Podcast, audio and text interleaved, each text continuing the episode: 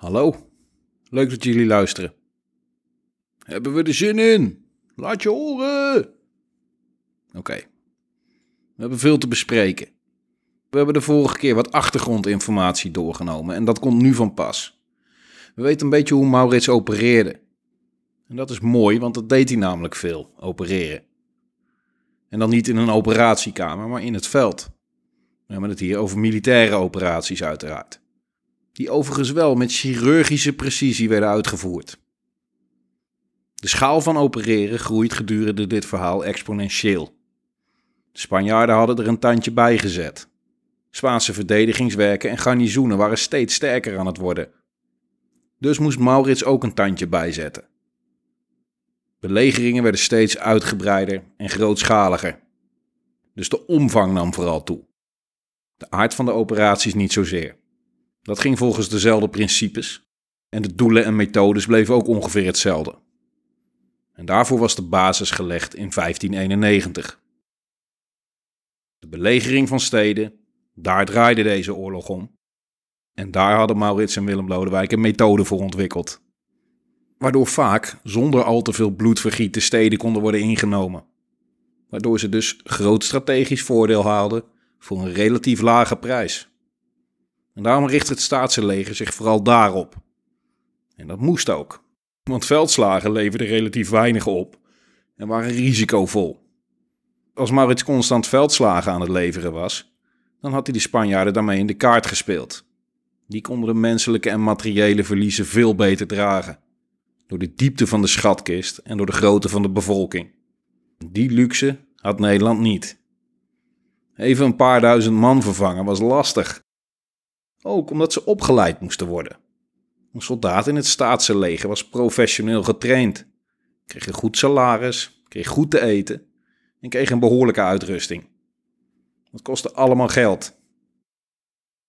En Nederland had niet onbeperkt geld. En ook niet onbeperkte beschikking over goede mensen. Dus moest het op een andere manier worden aangepakt. Want wie niet sterk is, moet slim zijn. Nederland moest zuinig zijn, zo efficiënt mogelijk met het leger omgaan. Dus elk voordeeltje moest uitgebuit worden. En daarom deze grote operaties. En daarom werden kosten nog moeite gespaard om elk detail, hoe klein ook, mee te laten wegen. Om die militaire macht van Spanje aan te kunnen. Dit was wat er voor nodig was. Eén op één waren we kansloos. Een attritieoorlog, een uitputtingsslag waar het puur om getallen gaat, was voor Nederland niet te winnen. En daarom is dit wat de komende afleveringen de klok slaat. Pogingen om terreinwinst te boeken door middel van belegeringen. In een oorlog die alsmaar groter en intenser wordt. Waar ongelooflijk veel is gebeurd. Een uiterst gewelddadig en langdurig conflict. En daar gaan wij slechts een deel van bespreken. Maar een groot en belangrijk deel. Een hoofdstuk. Maar goed, zonder verder oponthoud. Welkom bij Nederland in oorlog. Aflevering 24. Maurits deel 5. Geertruidenberg.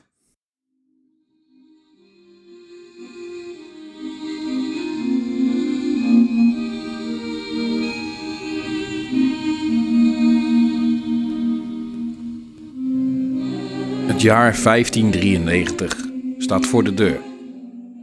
Wat zou dat jaar gaan brengen? Zou het eindelijk leiden tot een grote clash tussen Maurits en Parma? Tussen die twee zo verschillende, maar toch zo aan elkaar gewaagde leiders. Een volle confrontatie met ongeveer gelijke aantallen in het veld. Wiens tactiek zou de doorslag geven? Zou de jonge, flexibele Maurits het ervaren zwaargewicht Farnese de baas kunnen? Wat zou daar uitkomen? Zou de voorzichtigheid van Maurits hem helpen? Of hem juist part te spelen? Zou de onverschrokken Parma op de macht zijn wil kunnen doordrukken? Of zou die daardoor juist in het mes lopen? Het zou een interessant duel zijn geweest tussen deze twee commandanten. En de uitslag? Het had erom gehangen, denk ik. Ik denk dat Maurits had gewonnen. Ik denk dat hij had kunnen winnen in ieder geval. Laten we het daarop houden. Maar we zullen er nooit achter komen. Helaas, zou ik bijna willen zeggen. Want Alexander Farnese, de hertog van Parma, was op 47-jarige leeftijd overleden. Hij was naar Frankrijk gestuurd om daar tegen protestanten te vechten. Daar was hij licht gewond geraakt en is tijdens zijn herstel in Altrecht overleden. Tot een definitieve strijd tussen deze twee titanen zou het dus nooit komen. Een tactisch steekspel met kleinschalige confrontaties was het geweest. Geen all-out battle. Nederland was dus verlost van een geduchte tegenstander. Oneerbiedig gezegd, daar hadden we geen last meer van. Maar hij kreeg uiteraard een opvolger, een Duits-Habsburgse edelman, genaamd Ernst von Mansfeld. Hij werd de opperbevelhebber van de Spaanse troepen in de lage landen. Over een legermacht variërend in grootte tussen de 60 en de 80.000 man. Sterk vertegenwoordigd in het zuiden. En dat was nou juist waar de nieuwe staatse campagne ging plaatsvinden. De Zeeuwse vertegenwoordigers in de Staten-Generaal hadden een zin gekregen. Het nieuwe doel was Geertruidenberg. Dan denk je, huh, Groningen was toch het doel? Dat klopt, dat was het jaar daarvoor. Ja, je hoort het wellicht, zelfs de kat is er verbolgen over. De campagne van 91 was vooral gericht op Oost-Nederland, die van 92 op het noorden. Beide campagnes hadden effect gehad. Goed, we hebben ze besproken in de vorige aflevering. En die van 92 had eigenlijk maar één doel niet bereikt, en dat was Groningen. Het had een eventuele overname van de stad wel een stuk dichterbij gebracht. Het lag als enige Spaanse stad in het noorden bijna volledig geïsoleerd. Helemaal waterdicht is zo'n isolatie niet. Er zijn altijd nog enkele levensaders en smokkelroutes die bereikbaar waren. Maar het hield niet over voor Groningen. Er kwam nog eens bij dat de kans dat de Spanjaarden dwars door Oost-Nederland zouden trekken om Groningen te versterken, klein was. Zeg maar nagenoeg onmogelijk. En dat ze die uitgebreide isolatie zouden kunnen doorbreken ook. Dus Groningen kon wachten, vond de Staten-Generaal. Niet in de laatste plaats omdat de Spanjaarden er volledig van uitgingen dat we naar Groningen gingen. De Friezen waren woedend, die hadden hun zinnen erop gezet. Alle acties van de voorgaande jaren waren juist gericht geweest op Groningen. En dan nu op het moment suprême laten we het afweten. Dus uit protest zouden zij geen troepen voor Geertruidenberg leveren. Het komt op mij een beetje kinderachtig over. Zo van, oh, de vorige keer kregen de Zeeuwen hun zin niet en toen stuurden ze ook geen troepen. Dan doen wij het nu ook niet. Dan zie je hoe snel dit verzandt in een soort kleinzielig gedoe. En hoe wonderlijk het is dat de Unie niet volledig is verzand in dit soort conflicten. Dat het houdbaar bleef. Goed, er was democratisch besloten. Het draaide helaas niet allemaal om de Friezen. Helaas, Friezen, verman jezelf. Holland en Zeeland zijn nu even aan de beurt. Dat de Friese troepen op hun plek bleven zorgde onbedoeld wel voor een afleiding trouwens. De Spanjaarden dachten daardoor dat wel degelijk Groningen het doel zou zijn. Een andere afleiding om van Mansveld de verkeerde kant op te lokken kwam door Philips van Nassau naar Luxemburg. Nee, hij ging niet naar Luxemburg, maar zo heette die. Ook weer een neef van Maurits trouwens. Hoewel, hij ging wel in de richting van Luxemburg. Dus van Nassau naar Luxemburg ging naar Luxemburg. Maar niet helemaal tot Luxemburg, want dan had hij wel tot Luxemburg geheten. Want die heb je ook, hè, van die adellijke geslachten. Zoals van Voorst tot Voorst. Ja, of, zit ik nou te denken, had een hekel aan Luxemburg. Dan is alleen de intonatie iets anders. Dan is het Philips van Nassau naar Luxemburg. Philips van Nassau, ook een leuke combinatie sowieso. De koning van Spanje en zijn grote vijand in twee namen gecombineerd. Een beetje alsof je Adolf Churchill heet of zo. Oké, genoeg over zijn naam. De neef van Maurits trok met zijn leger zuidoostelijk om naar het Spaanse veldleger heen te lokken. Wederom werd er tegen de verwachting van de Spanjaarden dus een andere aanvalsrichting gekozen. En een doelwit wat ook van strategisch en symbolisch belang was. Het was namelijk de enige stad in het gewest Holland die nog in Spaanse handen was. Voor Geertruidenberg was weer een grote, uitgebreide operatie vereist. Laat het ook even tot je doordringen wat dit inhoudt, waar Maurits en Van Oldenbarneveld mee bezig waren. Na twee dusdanige succesjaren gewoon het volgende jaar in dezelfde versnelling doordenderen. Het gaat later in het verhaal nog wel blijken hoe nagenoeg onmogelijk dat is. De operationele uitputting van je troepen is groot. En wat dacht je van de financiële uitputting? Het wordt een terugkerend thema in dit verhaal: geld. En ik zal het regelmatig, misschien wel tot in den treuren blijven herhalen, want het is iets wat we makkelijk over het hoofd zien. En een kwartje wat bij mij ook pas recentelijk echt is gevallen. Ja, oorlog kost geld. Maar hoeveel geld? Dat is echt onvoorstelbaar. Maar goed, we gaan het er dus regelmatig over hebben. Gewoon om het even te benadrukken. Zodat we beseffen wat het vergt van je mensen en je schatkist. Om jaren achter elkaar grote militaire operaties uit te voeren. Zeker in de 16e eeuw. Of zeker in de 16e eeuw, dat is tegenwoordig niet anders. Wat zeg ik, tegenwoordig is het nog veel duurder. Maar goed, dat terzijde. We gaan verder met het verhaal. Maurits was het jaar daarvoor vroeg gestopt, eind september al. Dus begonnen ze nu ook vroeg, begin maart. Maar eigenlijk hadden de operaties nooit stilgelegen. De hele winter door was er gewerkt aan het belemmeren van de bevoorrading en het blokkeren van waterwegen.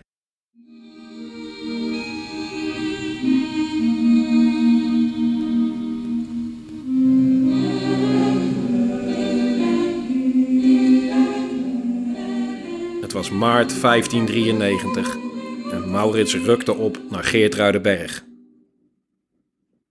Dit zou net als het jaar daarvoor bij Koevoorde en Steenwijk geen makkelijke klus worden.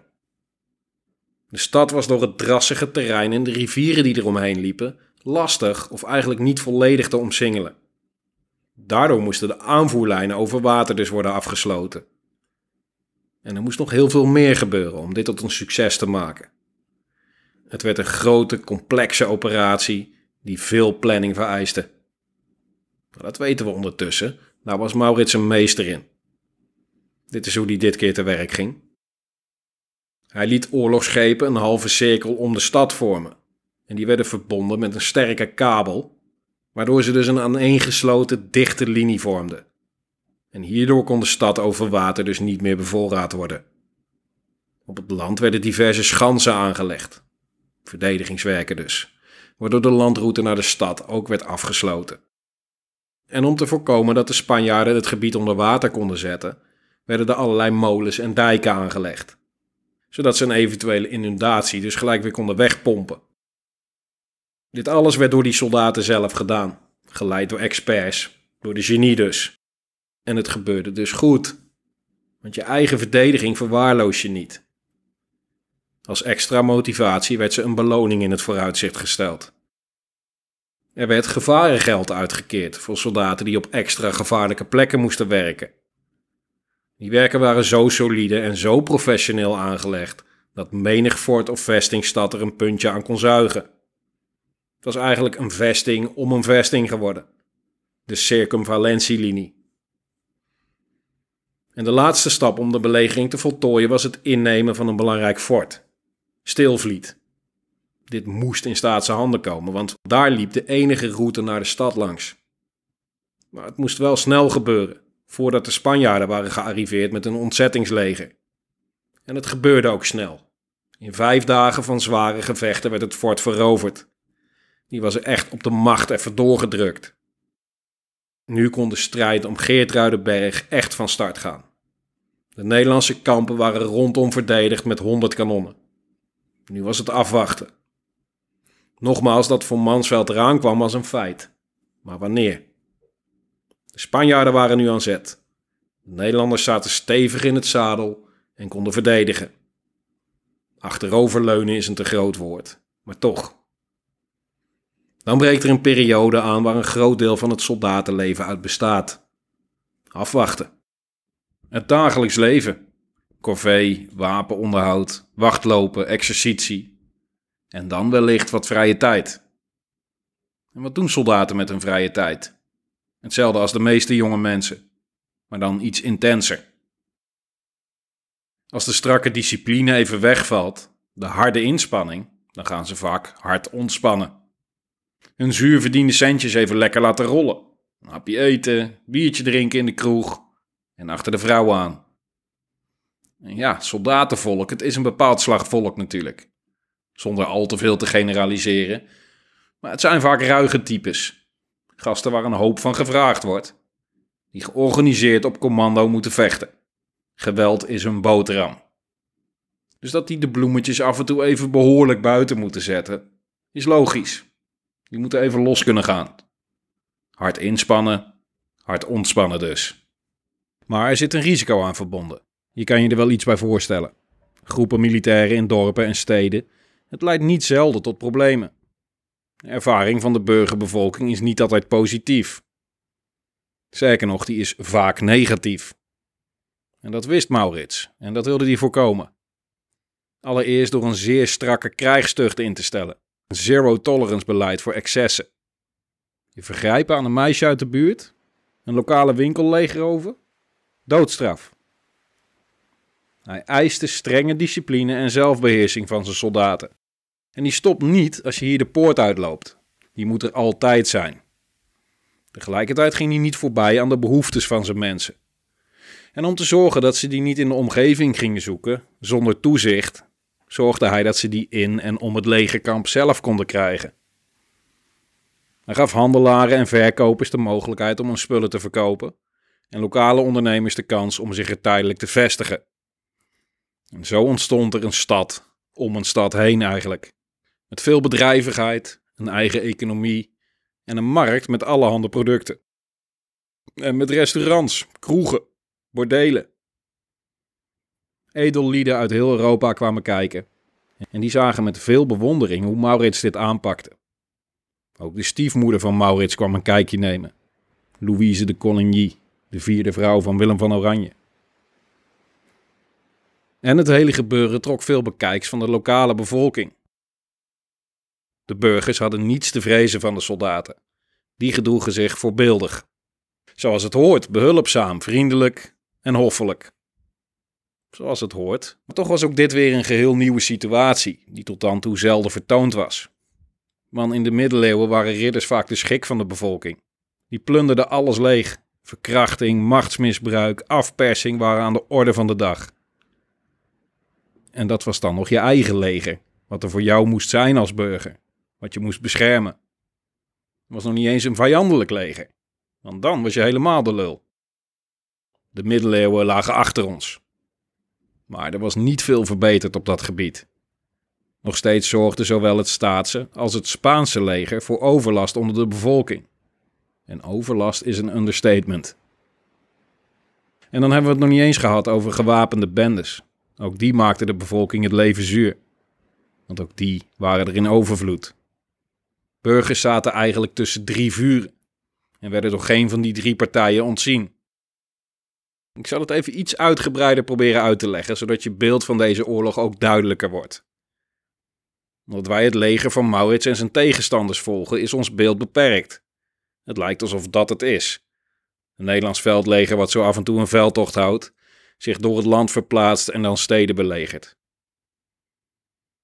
Maar als dat leger niet in het veld was, als er geen grote operaties werden uitgevoerd, dan lag de oorlog allesbehalve stil. In grote delen van Nederland waren dag in dag uit gevechten. Confrontaties op kleine of middelgrote schaal. Hinderlagen, schermutselingen. Vooral in de grensgebieden was het aan de lopende band raak. Bijvoorbeeld het gebied tussen Breda en Den Bosch. Breda was van Nederland en Den Bosch van Spanje. En het gebied daartussenin was de frontlinie. Daar werd continu gevochten. Het was eigenlijk niemands land. De Spanjaarden gebruikten het gebied voor een groot deel van hun voedselvoorziening voor onder andere Antwerpen en Den Bosch. De Nederlanders wilden daar een stokje voor steken. Die plunderden dan dorpen en steden om zichzelf te verrijken en om te voorkomen dat de buit in Spaanse handen viel. De Spanjaarden probeerden dat dan weer te voorkomen en als dat niet lukte, dan ontstond de schaarste aan hun kant en gingen ze zelf plunderen. Of brandschatten. Dan moest het bestuur van een plaats een bedrag betalen om te voorkomen dat de boel werd leeggeroofd. Een soort afpersing dus. En die Spaanse of staatse eenheden liepen dan regelmatig ook nog in hinderlagen van opportunistische deserteurs, gewapende bendes of geuzen, die dan ook weer op de buiten uit waren. Of die waagden hun kans door zelf een plaats te overvallen. Ja, die geuzen vochten aan onze kant vaak. Maar vaak ook niet, dat zie je. Opportunisten waren het, rovers. Die gedijden goed onder een wetteloze situatie als dit en grepen hun kans. Het was een chaos waar allerlei groepen door elkaar heen krosten en met elkaar in conflict waren. Soms verkenningseenheden van enkele tientallen ruiters, maar ook grotere verbanden van tussen de duizend en de 2000 man met voetvolk en cavalerie, artillerie. Die dan bijvoorbeeld een dorp bezetten en dan weer werden verjaagd en dan weer terugkwamen enzovoort enzovoort. En zo ging het dus over en weer, jarenlang. De burgerbevolking was dus het doelwit van al die partijen, die als een soort speelbal op de golven heen en weer werden geslingerd.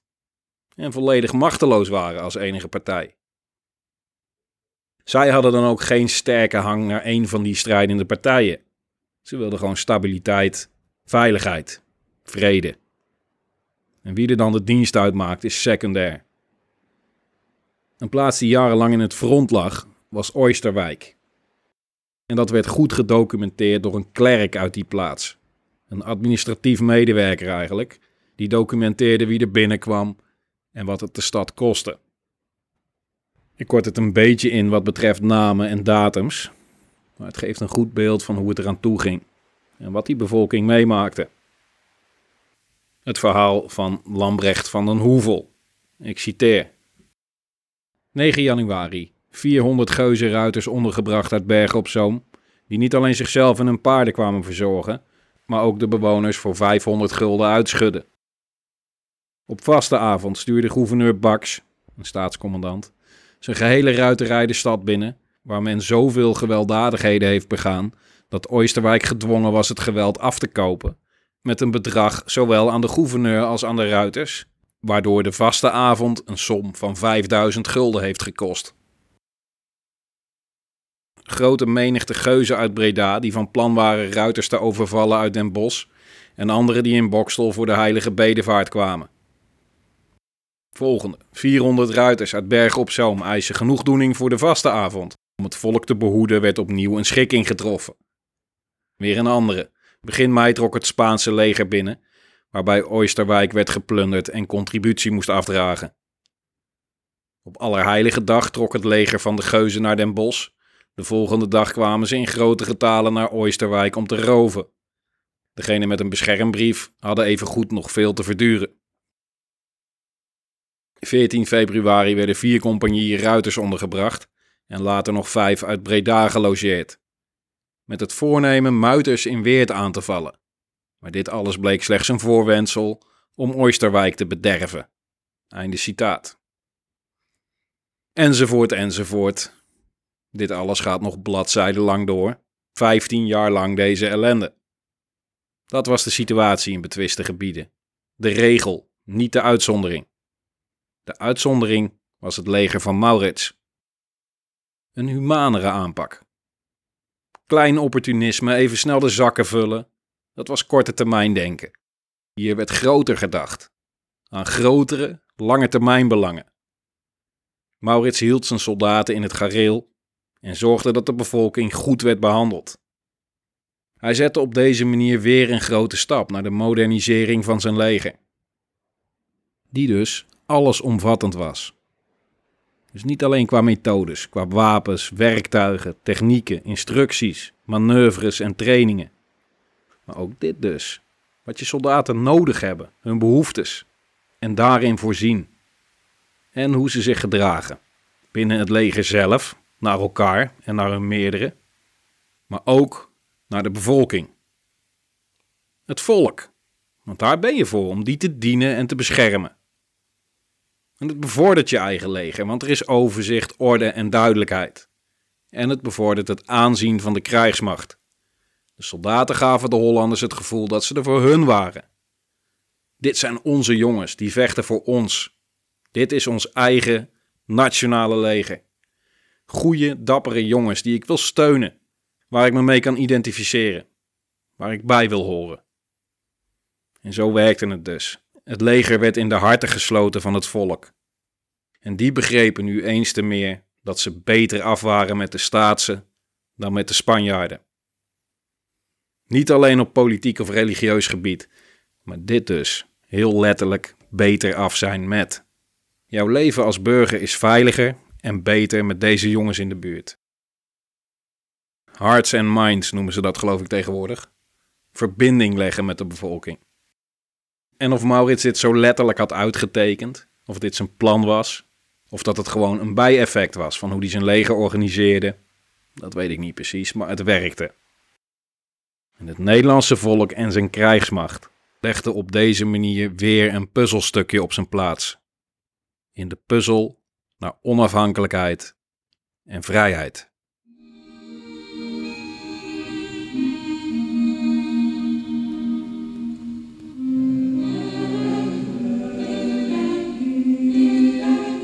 Ondertussen zitten we midden in het beleg van Geertruidenberg. De Spaanse veldheer von Mansveld was vastbesloten om het te ontzetten. En die had eindelijk een leger samengesteld. Van diverse plaatsen had hij troepen gehaald om een grote legermacht op de been te krijgen. Groot genoeg om Maurits te verslaan of te verjagen? Zo'n 10.000 man had hij uiteindelijk bij elkaar gesprokkeld. Maar dat hadden er veel meer kunnen eigenlijk moeten zijn. Want er waren weer eens muiterijen uitgebroken in het Spaanse kamp. De reden? Laag moreel, maar waardoor? Laten we een gokje wagen. Ik denk omdat de Spanjaarden weer eens te laat met hun soldij waren. Een meevaller voor ons. Laat die Spanjaarden er maar een potje van maken elke keer weer. Want ook hier weer lieten ze de kans liggen om gewoon met een dikke overmacht te verschijnen. Samen met het garnizoen bij Geertruidenberg hadden ze een kleine overmacht. Maar omdat Friese troepen zich toch nog bij het staatse leger hadden gevoegd, waren de aantallen weer ongeveer gelijk. Zeg maar 12.000 tegen 12.000. De Friesen hadden besloten om hun trots aan de kant te zetten en toch mee te doen met de operatie. Beter later nooit. Willem Lodewijk, stadhouder van Friesland en daarom invloedrijk, had de troepen kunnen overtuigen. En dat kwam goed van pas. Het waren toch die 2.000, 3.000 man die de aantallen gelijk trokken. En Maurits had het verdedigende voordeel. En dan heb je doorgaans nog een veel grotere overmacht nodig als aanvaller. En dat besefte von Mansveld ook. Dus toen hij met zijn leger arriveerde, liet hij een boodschapper naar Maurits sturen. Om hem uit te dagen, om uit zijn tent te lokken. Hey, als jij nou die uitermate sterke positie opgeeft en je dan hier in het open veld aan enorme risico's blootstelt, Ah, waarom niet? Kom op, dat is wel zo eerlijk, toch? Het is ook wel makkelijk om zo heel tactisch verdedigende posities in te gaan nemen en zo. Je kan het altijd proberen natuurlijk. Maar Maurits was er ongevoelig voor. Wellicht dat je een eerzuchtig heet hoofd zover kan krijgen, maar hem niet. Hij was kalm en berekenend. Intelligent. Die speelde op resultaat. Hij was dus niet erg geneigd om erop in te gaan. Maurits gaf dan ook een antwoord wat je op meerdere manieren kan opvatten. Of respectvol of sarcastisch. Hij zei iets van: Ik zou ook wel zo'n groot veldheer als u willen worden. Ik hou het op sarcastisch. Want ondanks de aanzienlijke leeftijd van von Mansveld, hij was 77, had Maurits nu al een imposantere militaire carrière achter de rug. Von Mansveld had tot dan toe vooral onder Parma gediend. Hij was sinds kort opperbevelhebber hij had wat bestuurlijke functies bekleed en had uitgebreide militaire ervaring. Maar een militair van het kaliber Maurits was die niet. En Maurits liet zich in ieder geval verstandig genoeg niet verleiden om zijn verdedigingswerken te verlaten voor een gevecht in het veld. Dus zat er voor von Mansveld weinig anders op dan aanvallen. Hij liet diverse kleinere aanvallen uitvoeren om de verdediging te testen. Hij ging iets voorzichtiger te werk dan Verdugo, die massaal in de aanval ging en zich volledig stuk beet. Zo roekeloos was Von Mansveld niet. Maar het effect was uiteindelijk hetzelfde. Hij kwam er niet doorheen en hij moest afstand houden, net als Verdugo. Hij besefte dat de verdediging gewoon veel te sterk was. En zo kon Maurits het machtige Spaanse veldleger lekker in het veld van zich afhouden en verliezen toebrengen. Dat gedeelte ging goed. De belegering zelf verliep minder goed. Moeizaam. Het had hevig geregend en daardoor was de grond rond de stad nog eens extra drassig geworden. Het aanleggen van loopgraven was hierdoor lastig en verliep traag. Dezelfde tactiek als de vorige keer toepassen, de stadsmuren ondermijnen en opblazen, zat er niet in. Nogmaals, het ging moeizaam. Het terrein conditioneren moest onder zware omstandigheden gebeuren. Drassig terrein, alles zakt weg in de blubber. Daardoor moest het terrein dus eerst geconditioneerd worden om het te kunnen conditioneren. Dat betekent dat er grote hoeveelheden water moesten worden weggepompt en weggesluist om überhaupt in die grond te kunnen graven. Als het dan blijft regenen, dan is het vechten tegen de bierkaai. Toch moest het gebeuren en het gebeurde ook. Het was niet zo dat er geen enkele vooruitgang in zat, alleen dat het een veel arbeidsintensiever werk was dan wenselijk. Dus langzaam maar zeker, stap voor stap, kwam er vordering in de belegering. En ondertussen was de stad al enige tijd afgesloten van voorraden. Die begonnen honger te krijgen en zagen dat de situatie steeds uitzichtlozer werd. Zelf waren ze verzwakt en hadden gebrek aan munitie, en het ontzettingsleger van von Mansveld deed ook niets meer. En dat staatse leger stopt niet. Die gaan nu niet ineens toch nog een roekeloze aanval doen, waardoor we toch nog een kans hebben. Die blijven gewoon gestaag doorgraven en terrein winnen totdat hun eigen positie sterk genoeg is en onze positie genoeg verzwakt is. En dan pas komt er een stormaanval, die we dan onmogelijk nog kunnen tegenhouden. Zoals ik al zei, de positie van Geertruidenberg was uitzichtloos. En na drie maanden ellende kon de stad het niet meer uithouden. Onder toeziend oog van de machteloze von Mansveld gaf de stad zich over. Maurits had het geflikt. De zwaarste beproeving tot nu toe. Het was geslaagd. En het kostte de Spanjaarden wederom veel levens en een strategisch essentieel punt. Maar het had Nederland ook veel gekost. De dodelijke slachtoffers waren beperkt gebleven, zo beperkt mogelijk in deze situatie. Maar geld. Het had bakken met geld gekost. Een belegering als dit, waar je troepen maandenlang in het veld moet houden, moet voeden en bevoorraden. Het materiaal wat daarvoor nodig is, de wapens, de munitie, begon toch wel aan te tikken voor de Staten-Generaal. Die begonnen het nu echt wel serieus in hun portemonnee te voelen. Een grote prijs als dit kost de hoofdprijs. Maar een grote prijs was het wel. De wateren rond Holland en Zeeland waren in Nederlandse handen. En de laatste stad in het gewest Holland was nu van ons. Maurits was wereldnieuws. Internationaal werd Maurits geroemd om zijn overwinning. En vooral de revolutionaire, moderne manier waarop. Voor veel buitenlandse vorsten en militairen was dit de bevestiging van wat ze al eerder dachten. Maurits is een legeraanvoerder van de allerhoogste klasse. Hij zette een standaard. Van heinde en verre kwamen nu edelieden, tussen aanhalingstekens, stage lopen bij Maurits. Ook Willem Lodewijk had grote bewondering voor zijn neefje. Hij zei, ik citeer, je hebt in een merkwaardig voorbeeld bewezen dat methode en arbeid in de oorlog ruw geweld te boven gaan. Uw belegering brengt de oude krijgskunde weer terug.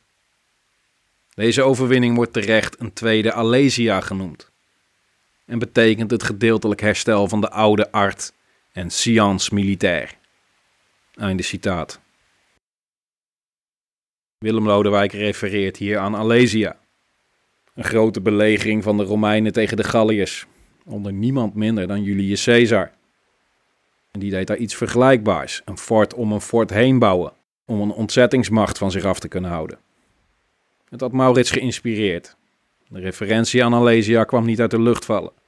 Maurits en Willem Lodewijk hadden de Romeinse campagnes uitvoerig bestudeerd en hadden er onderdelen van meegenomen om zelf in te zetten en aangevuld met moderne technieken. Het praktisch toepasbaar gemaakt voor de moderne tijd. zo zie je maar, geschiedeniskennis kan, buiten dat het leuk is en interessant, ook wel degelijk een praktisch nut hebben. Dat bewees Maurits hier. En mogen we Maurits dan in het rijtje Alexander de Grote, Genghis Khan, Napoleon, Julius Caesar zetten? Iets in me zegt, waarom niet? Een ander deel zegt, nee, dat gaat te ver. Was ook een heel ander type generaal natuurlijk. Misschien niet vergelijkbaar. Zij voerden een veroveringsoorlog om andere redenen. Maurits veroverde terug, dat is anders. En de schaal van grondgebied wat hij veroverde was veel kleiner. Maar goed, de vergelijking met Julius Caesar was er niet voor niets en komt niet van mij. Laten we zeggen dat we Maurits in ieder geval in de categorie militair genie kunnen plaatsen. Als hij een voetballer was, dan zou hij wellicht niet in het rijtje Maradona, Pelé, Cruyff, Messi staan. Maar wel in dat veel grotere rijtje net daaronder. Met Zidane, Van Basten, Cristiano Ronaldo, Ronaldo, Romario, Gullit, Platini, Iniesta. Dat soort figuren. De Beckenbauers, de Batistuta's, de Modric'je van deze wereld. Wereldspelers, absolute top. Tijdelijk misschien even de beste van de wereld. Maar niet bij dat selecte clubje van die absolute allerbeste ter wereld, aller tijden. Goed, genoeg daarover. Hoe kwalificeer je dat precies? Langs welke meetlat leg je het? Eén ding was zeker. Maurits was goed. Heel goed.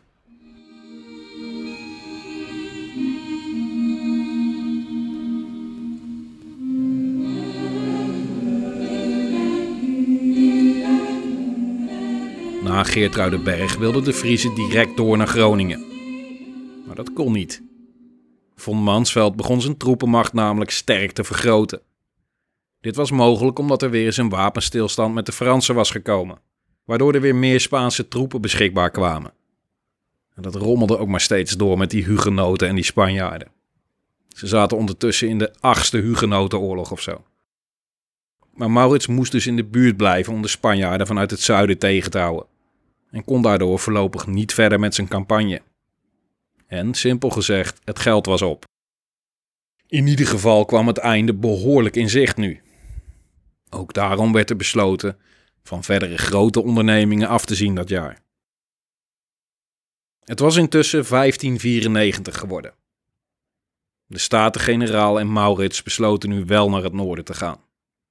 De jarenlange insluiting en isolatie van Groningen begon eindelijk voltooid te raken. Want Willem Lodewijk had nu ook de hoge veengronden ten oosten van Groningen veroverd. En de plaatsen Wedde, Slochteren en Winschoten waren ingenomen. Zo was Groningen ook afgesloten van de laatste levensader vanuit Duitsland.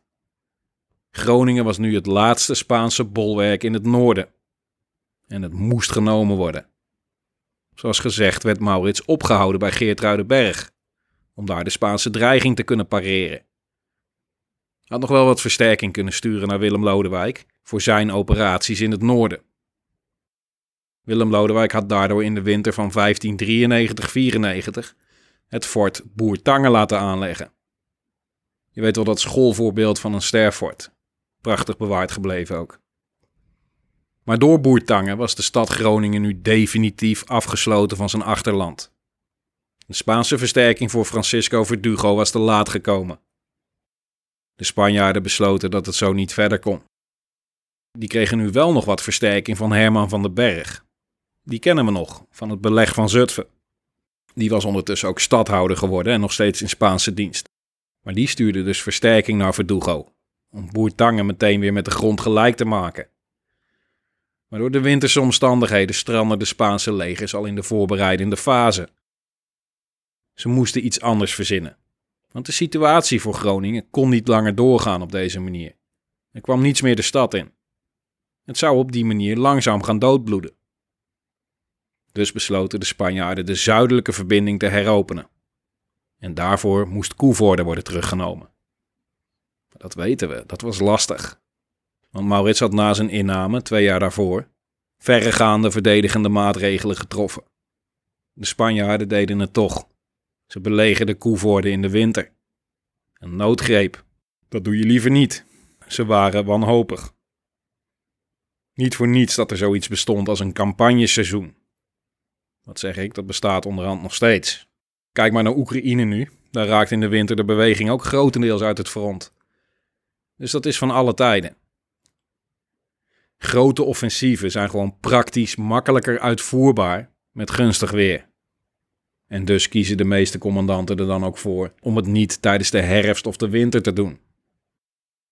En hier bij het beleg van Koevoorde werkten de winterse omstandigheden dan ook vooral in het nadeel van de aanvallers. De stad barstte van de voorraden en de verdedigers konden zich verschansen en elkaar aflossen. Ze hadden de mogelijkheid om op te warmen en om aan te sterken. Ze konden relatief eenvoudig stand houden en wisten dat er hoogstwaarschijnlijk een ontzettingsleger aankwam onder Maurits. De Spanjaarden daarentegen hadden het zwaar. Die zaten in het open veld, moesten de winter doorbrengen in tentenkampen. Hun aanvallen op de stad werden eenvoudig afgeslagen en daarbij vielen veel doden. Maar ook door bevriezing, onderkoeling en ziekte. Er was gebrek aan eten en warmte. Veel Spanjaarden deserteerden, gingen wanhopig op zoek naar eten in omliggende dorpen en besmetten de plaatselijke bevolking met hun ziektes. Dit kostte dus ook veel burgers het leven. Maar toch hielden de Spaanse beleggers het een winter lang vol. 31 weken. Zoals gezegd, ze waren wanhopig. Nu ook nog sterk gereduceerd in aantallen. In maart 1594 deed Verdugo een poging om te onderhandelen over de overgave van de stad. Hij werd vanaf de stadswallen uitgelachen en bespot. Die hadden zoiets van: geef jij je maar over. Ze wisten dat het ontzettingsleger elk moment kon komen. En dat was ook zo. Maurits en Willem Lodewijk waren onderweg. Ditmaal met een leger van 12.000 man. Verdugo besefte dat hij met zijn 7000 man geen schijn van kans zou maken. Het kamp werd opgebroken. Een deel van de Spanjaarden werd naar Groningen gestuurd. En een ander deel, onder de Spaanse commandant, trok via het oosten naar Linde, in het huidige Duitsland.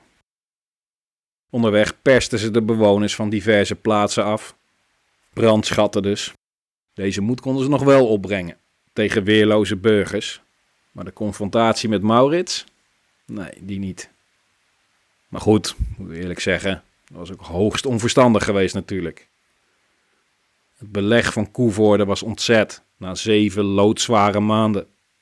Nu moest er gekozen worden. De overgebleven Spanjaarden in het graafschap Zutphen en Twente verdrijven of direct door naar Groningen. Er werd gekozen voor Groningen. The one that got away.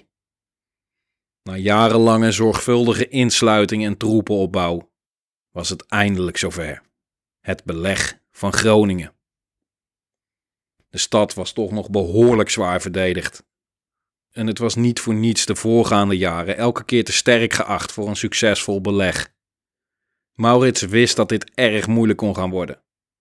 Maar goed, hij kon niet anders. Iedereen was overtuigd van het belang van de grote stad, inclusief hijzelf. Die moest aan de kant van de opstand komen. Het moest gebeuren. En daarvoor zou onze generaal elke truc in het boek moeten gaan gebruiken. Hij dacht goed na over een operatie als dit, maakte grondige plannen, werkte hard, veel en graag. Als hij niet in het veld was om operaties te leiden, stond hij altijd om zes uur op. Om zich vervolgens te verdiepen in het laatste nieuws en het opzetten van plannen, om voorbereid te zijn. Om complexe operaties in al hun facetten uit te denken en om zich te verplaatsen in zijn vijanden. Te verdiepen in de karakters van zijn tegenstanders. Met wie heb ik te maken? Hoe reageren ze meestal? En wat kan ik daar het best tegenover zetten? Een fout die Maurits zelden tot nooit maakte, was onderschatting. Ken je die uitdrukking, om die te verslaan moet je vroeger opstaan? Misschien komt dat wel van Maurits af. Want om Maurits te verslaan, moet je vroeger opstaan. En de volgende keer gaan we verder. Met de belegering van Groningen en nog veel meer. Dat alles hoor je in de volgende aflevering van Nederland in oorlog. Het hing al jaren in de lucht. En nu was het zover. De slag om Groningen was op handen. Het katholieke stadsbestuur en de stadhouder Verdugo maakten zich zorgen. Er broeide iets in de stad. Een vijfde kolonne. In 1580 was er al een overname gepoogd door de protestantse inwoners. En die roerde zich nu meer en meer. Het staatse leger kwam eraan. Maurits ad portas.